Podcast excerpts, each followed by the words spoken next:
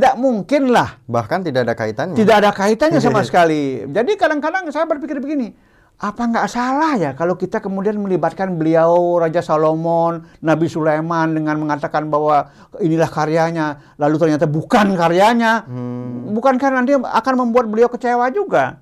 Itu. Yeah. Makanya saya pikir kita juga harus berhati-hati ya, dan kita tidak bisa mengabaikan hasil temuan para arkeolog kita, catatan-catatan.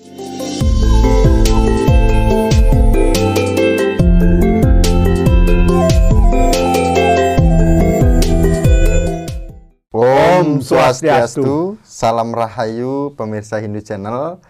Hari ini kita bersama Aji Dewa Suratnaya, Wakil Ketua Sabawalaka PHDI Pusat. Ya. Aji, kita sekarang meluruskan yang viral lagi nih, terkait hmm. dengan sejarah peninggalan Borobudur. Nah, dikatakan Borobudur itu peninggalan Nabi Sulaiman. Nah, secara sejarah singkatnya nih Ji, abad keberapa dan pandangan Hindu seperti apa? Uh, orang sih boleh-boleh saja ya okay. mengatakan apa saja karena memang tidak ada sanksinya. Kemudian itu menjadi viral. Namun mungkin ini bukan sesuatu yang sangat penting tapi perlu diketahui kan itu okay. ya. Kalau kita bicara Borobudur, kemudian juga tadi Miko menyebutkan uh, Nabi Sulaiman, loh Nabi Sulaiman kan sebelum seorang raja, Raja Solomon. Hmm. Ya, dan itu ratusan ratusan tahun sebelum Masehi itu. Permasalahannya apakah beliau sempat pernah atau melakukan sesuatu sehingga ada Borobudur di Indonesia. Sementara sebagai seorang raja itu saja sudah banyak mem, apa namanya banyak membutuhkan waktu ya. Ke, walaupun kemudian beliau dinabikan, menjadi salah seorang nabi yang namanya Nabi Sulaiman. Yeah. Ya.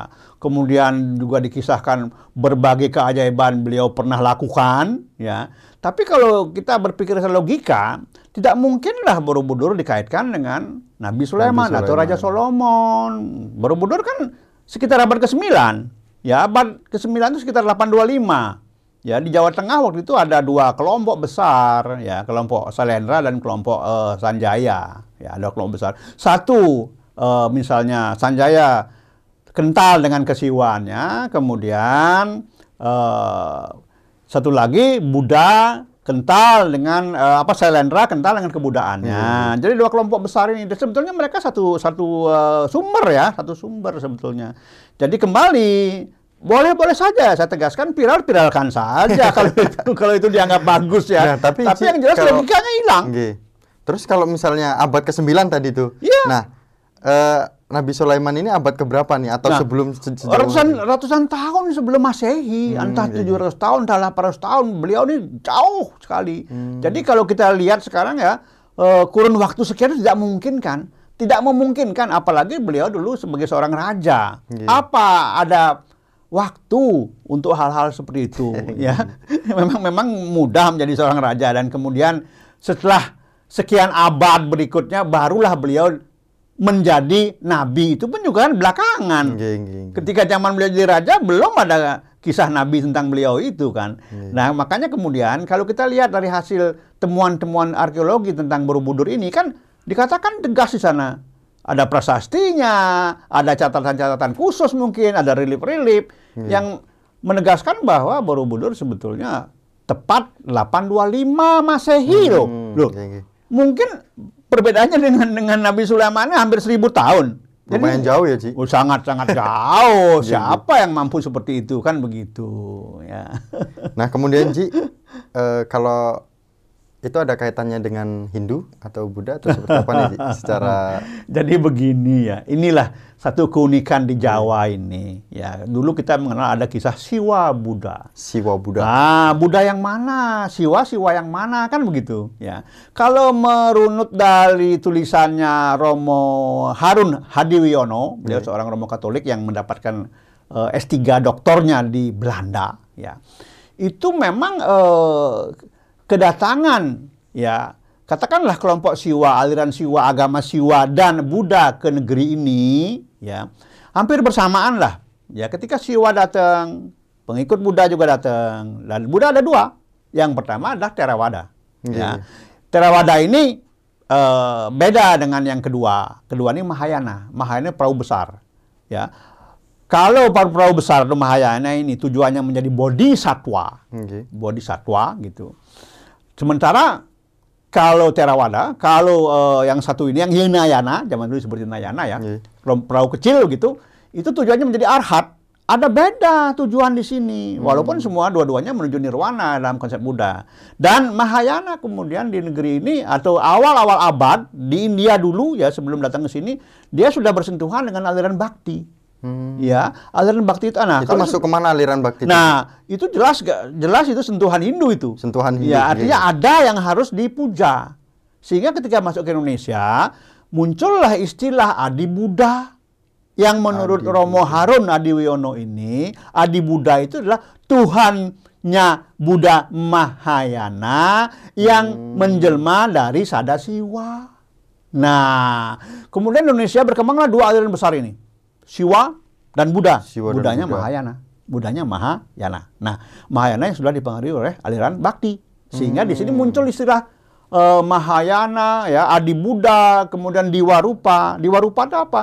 Satu tubuh dengan dua wajah. Hmm. Diwarupa muncul lagi atau menjelmakan lagi tiga. Sri Lokeswara, Sakyamuni, Bajrapani. Sri Lokeswara melahirkan lagi dua. Ya, eh, Ratna Sambawa, Asokpya Buddha, lalu Sakyamuni melahirkan Werocana. Hmm. Bajrapani menjelmakan Amoghasiddhi dan Amitabha Buddha. Ini berapa nih? Satu, dua, tiga, empat, lima. Lima. Pancatadagata ini. Kemudian eh Wairocana melahirkanlah Brahma, Wisnu, Wisnu. Iswara. Nah, Siwa perkembangannya lain lagi. Ada Paramasiwa. Ini niskala banget ini, niskala-niskala ini. Yang kedua ada skala-niskala. Hmm, okay. Sada Siwa. Sada Siwa ada lagi di bawahnya. Siwa. Siwa yang di bawah inilah kemudian menjelmakan Brahma, Wisnu, Rudra. Hmm. Nah, kemudian produk terakhir dari Siwa, Brahma, Wisnu, Rudra, produk terakhir dari Buddha Mahayana adalah Brahma, Wisnu, Iswara. Ini kemudian yang, oh sama ini, sama. Nah, oleh orang Jawa dianggaplah kemudian bahwa agama Siwa sama agama Buddha sama saja lah. Hmm. Inilah kemudian melahirkan Siwa Buddha ini menurut Romo Harun Adiwiono. Nah, Borobudur itu sebetulnya juga tidak tidak persis sama dengan Buddha yang sekarang ini karena pengaruh Mahayana kuat sekali waktu itu. Jadi yang Yang berkembang sangat mempengaruhi dari Mahayana ini apa, Ji? ya Siwa Buddha itu. Hmm. Tapi kemudian karena memang eh, bentuk, bentuk eh, karena yang mendirikan atau yang membangun itu adalah Samaratungga yang memang penganut Buddha, maka kelihatan bahwa Borobudur itu memang ornamen-ornamen Buddha yang dominan. Oke. Tetapi kita tidak pernah tahu Miko Di dalam itu dalamnya. ada apa. ini ini kan Borobudur nggak pernah dibongkar. Oke. Dan Borobudur kan terpendam karena bencana alam. Tertutup pasir berapa lama karena gunung-gunung meletus itu. Jadi di Jawa ini kan memang banyak sekali tinggalan-tinggalan masa lalu yang tertutup oleh bencana alam. Termasuk Borobudur. Borobudur kan setelah digali baru ketemu ini. Tapi apakah ini sudah seluruh Borobudur? Seluruh bangunan Borobudur maksud saya. Jangan-jangan ini baru puncaknya.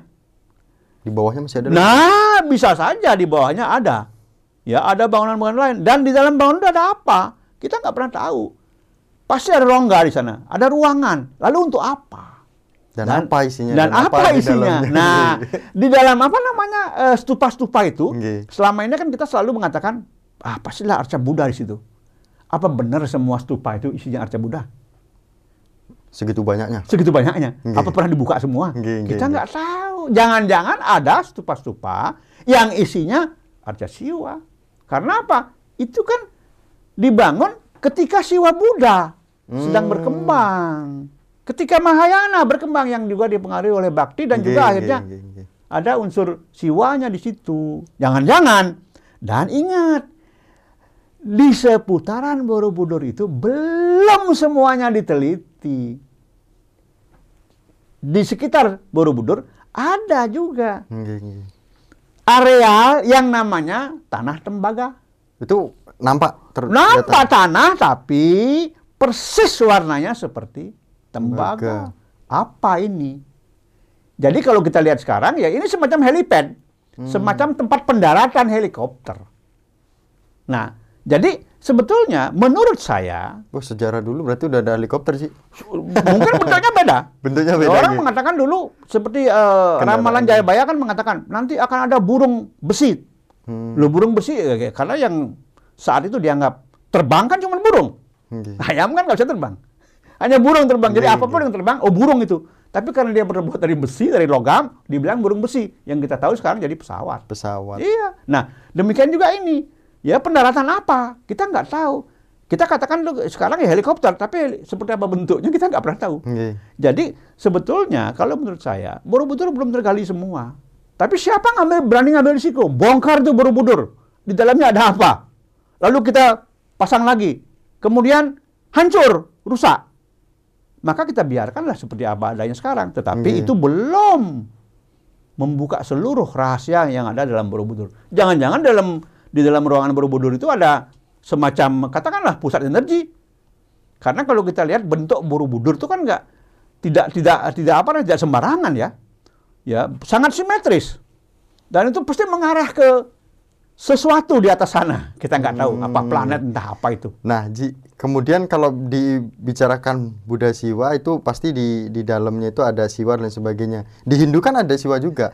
Berarti secara tidak langsung eh, ini kan anak muda tidak tahu nih, Ji. Maksudnya eh, iya, apakah memang kerjasama antara Raja Hindu dengan Raja Buddha atau ya gimana atau mempelai Ya. antara mantu atau seperti apa gitu, Ji? Kalau kita meneliti atau menelusuri lewat sejarah, Oke. tentu ini para arkeolog sudah bermain di sana, beliau-beliau yang tahu ya. Oke. Memang eh, zaman-zaman itu ya ya, katakanlah yang tercatat dalam sejarah pendiri atau penggagas ya penggagasnya ini Oke. Borobudur itu adalah Samara Samartungga atau Samaragrawira. Tetapi arsiteknya namanya Gunadarma. Ya beda. Arsiteknya Gunadarma, Iya, iya. kemudian kalau penggagasnya rajanya saat itu adalah Samartungga. Samartungga itu punya dua anak. Yang pertama perempuan, namanya Pramoda Wardani. Ini salah satu tokoh yang wah yang kita banggakan lah di, di Indonesia ini, tokoh perempuan yang luar biasa. Yang kedua namanya Balaputra Dewa.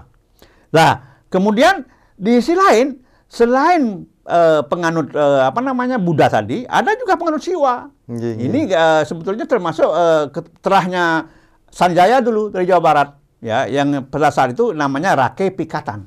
Oke. Nah, mungkin untuk eh, menghindari konflik antara dua kelompok penganut ini, akhirnya terjadilah perkawinan antara Rake Pikatan dengan Pramoda Wardani. Hmm. Kawinlah mereka, ya kawin.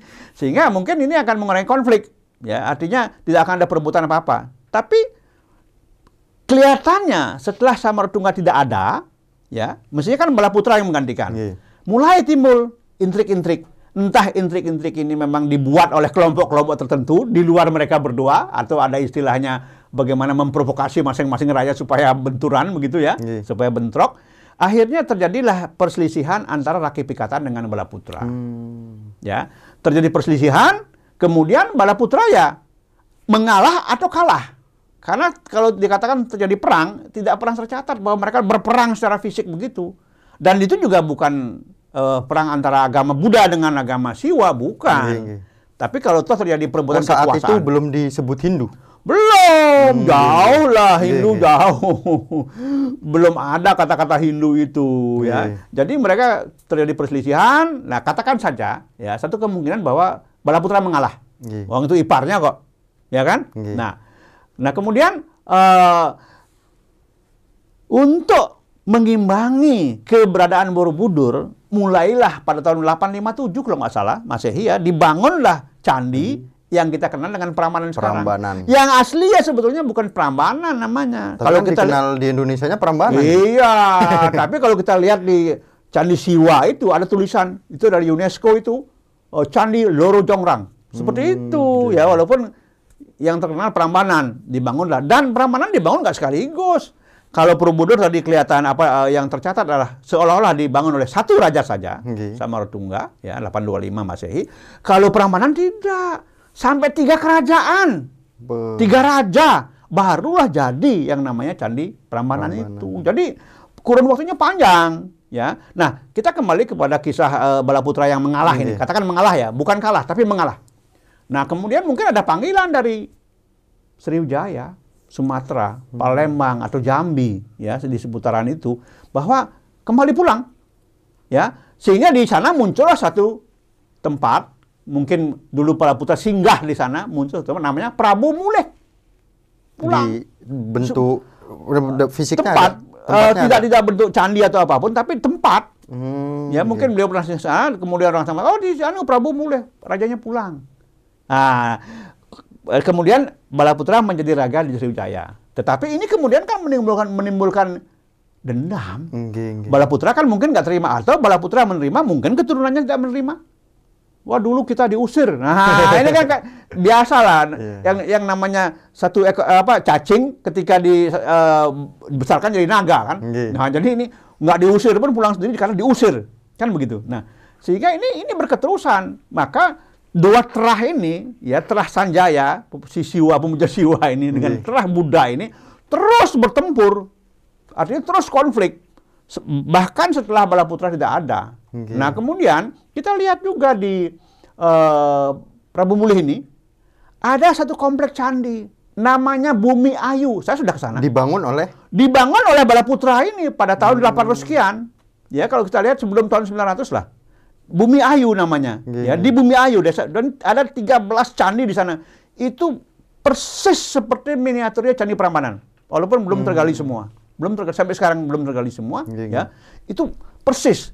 Kelihatannya karena kerinduan akan masa lalu yeah. si Mbak Yu ini, si kakaknya Balaputra ini yang ikut pulang, kemudian dibuatkanlah candi untuk mengingat Candi Prambanan yang ada di Jawa. Tengah ini. Nah, jadilah ini. Nah, kemudian setelah itu apa?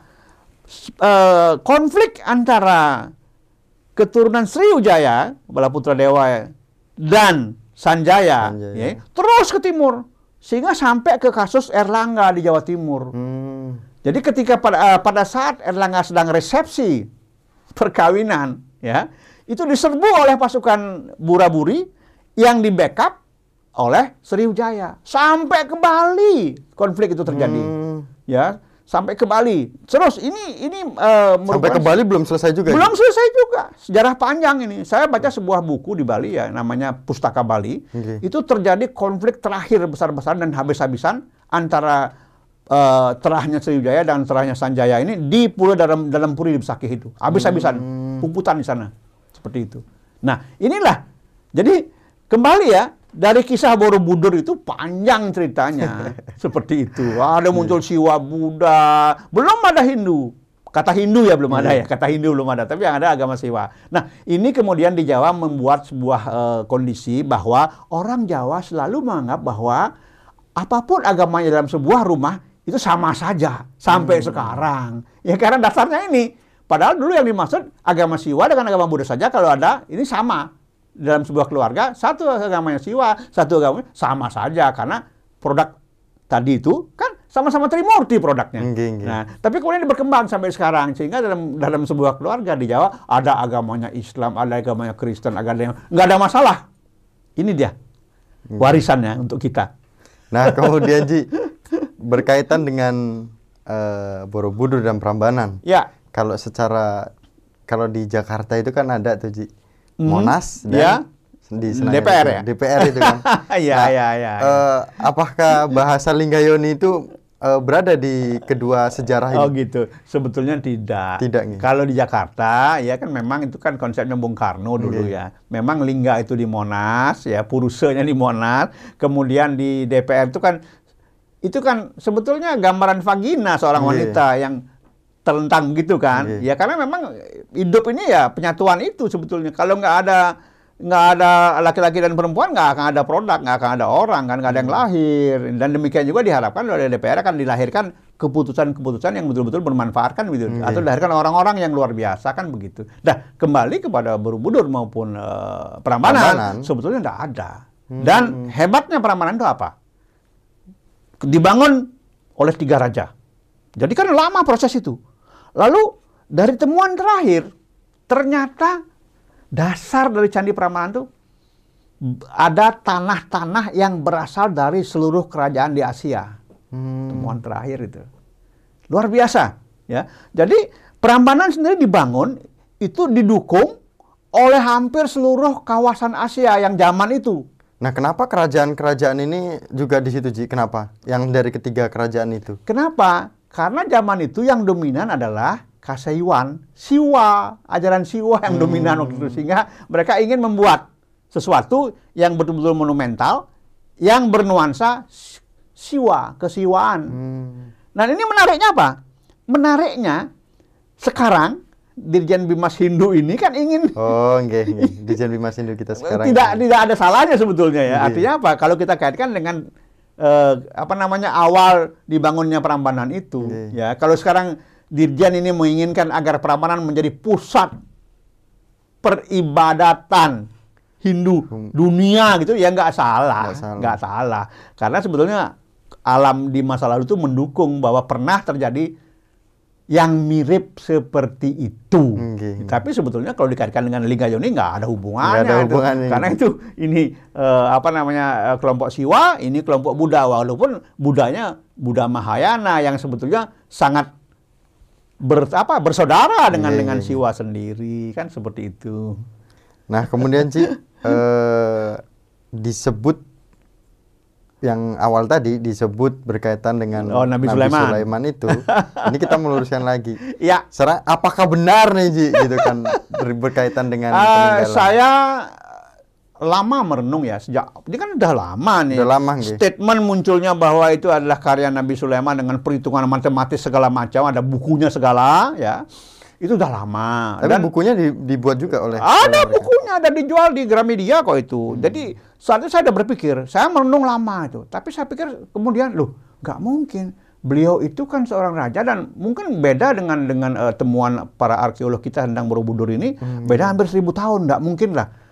Menjadi seorang raja saja tidak mudah gitu. Memang zaman itu diceritakan bahwa beliau bisa berbicara dengan hewan, Iya. dengan segala macam ya, berbagai keajaiban beliau eh, munculkan. Ya tapi sebetulnya hal begini kan bukan hal yang aneh. Dalam kisah kita pun juga Angling Dharma bisa berbicara. Iya. dan Angling Dharma itu ada manusianya. Ya itu kan 1171 dari Kediri itu. Ada itu. Zaman itu Angling Dharma sudah berani menyerang Sriwijaya di Palembang. Ya pasukannya 30 laksa itu. Kalau menurut yang saya baca ya seperti itu. Nah eh, perlu ditegaskan bahwa itu tidak mungkin tidak mungkin lah Bahkan tidak ada kaitannya. tidak ada kaitannya sama sekali. Jadi kadang-kadang saya berpikir begini, apa nggak salah ya kalau kita kemudian melibatkan beliau Raja Salomon, Nabi Sulaiman dengan mengatakan bahwa inilah karyanya, lalu ternyata bukan karyanya, bukankah nanti akan membuat beliau kecewa juga? Itu. Makanya saya pikir kita juga harus berhati-hati ya, dan kita tidak bisa mengabaikan hasil temuan para arkeolog kita catatan-catatan ini dan juga waktu ya dan logika nggak bisa dihilangkan. Jadi kembali kalau Miko menanyakan apakah benar, saya katakan tidak benar, Iya. tidak benar, tidak tepat dan terlalu mengada-ngada gitu loh. Untuk apa? Kasihan, ya kasihan beliau itu, Iya. ya. Walaupun beliau memang hebat pada zamannya, luar biasa pada zamannya, banyak berbuat untuk masyarakat, untuk manusia, untuk rakyatnya, tetapi untuk hal-hal tertentu alangkah indahnya kalau kita tidak tidak kemudian merusak kehebatan beliau-beliau itu.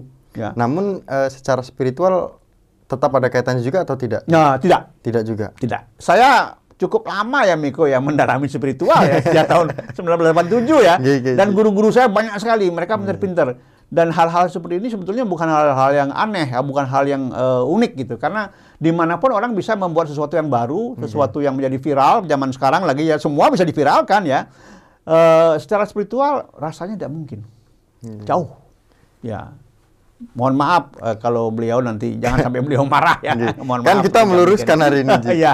Hari ini kan kita, akan meluruskan meluruskan. berkaitan dengan Iya. eh, peninggalan. Ya ini pentingnya sejarah Iya. bisa diketahui oleh para ya para anak-anak muda gitu Iya, kan yang sekarang muda. seharusnya benar-benar memahami dan- bagaimana ya. sejarah eh, Borobudur, Prambanan dan, Dan- sejarah peninggalan lainnya. Betul dan saya berharap eh, janganlah kita membuat eh, janganlah kita mengulangi kesalahan-kesalahan seperti itu. Masih banyak pekerjaan kita sebetulnya. ya. Jangan yang aneh-aneh ya. Iya, iya, iya, Ji.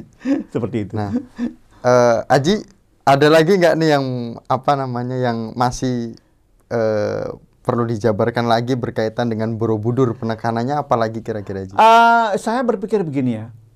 Eh, pada awal saya sudah tadi eh, menyebarkan sebinas bahwa sebetulnya belum semua rahasia Borobudur dibuka. Hmm. Pada saatnya semua itu harus dibuka untuk kebaikan kita semua. Dan itu apakah tidak akan menjadi bumerang ketika dibuka? Uh, tidak. Kita harus uh, legowo menerima apa pun yeah. yang kita dapatkan, apa pun yang kita uh, temukan nantinya. Namun semua itu harus diawali dengan niat baik. Niat baik akan menghasilkan hal yang baik. Uh, walaupun itu, itu sudah uh, Borobudur sudah dikenal oleh dunia. Ya, ya. Tapi kita kan tidak harus merusak yang sudah ada. Hmm, iya, iya. Saya berpikir ini baru kepalanya saja. Baru iya. puncaknya aja Borobudur ini masih banyak badannya belum ketemu ini, badannya belum ketemu. Ya. Siapa yang mau menemukan? Nah, permasalahannya kan tidak segampang itu. Karena apa? Di seputaran Borobudur sendiri sudah banyak permukiman. Kita tidak mungkin kemudian harus membongkar semua permukiman itu. Hmm. Sama halnya dengan Candi Penataran di Jawa Timur. Itu kan baru kepalanya saja. Ya kalau dibongkar mungkin habis itu permukiman uh, di, di seputaran candi itu. Hmm. Ya. Nah, tapi kita juga tidak bisa, uh, artinya tidak bisa kemudian mencoba menyembunyikan semua itu. Saya pikir semua peninggalan-peninggalan leluhur itu ada manfaatnya untuk generasi kita dan generasi mendatang ini. Pasti itu. Nah, seperti itu. Uh, siapa yang harusnya berperan di dalam sejarah ini, Ji? Uh, kita tidak bisa uh, semata-mata mengharapkan pemerintah. Okay nanti akan muncullah kelompok-kelompok generasi muda generasi muda yang begitu tertarik dengan warisan-warisan leluhur kita dan mereka akan mulai dengan teknologi yang lebih canggih tanpa harus merusak dan mampu menemukan semua hal-hal yang selama ini masih tersembunyi hmm. seperti itu Siap. akan ada yeah. saya yakin itu semua sama-sama Dewa Surat Naya pemirsa Hindu Channel eh, luar biasa pembahasan kita pada hari ini berkaitan dengan sejarah Borobudur yang jelas hari ini kita hanya meluruskan dan pandangan Hindu mengatakan berkaitan dengan Borobudur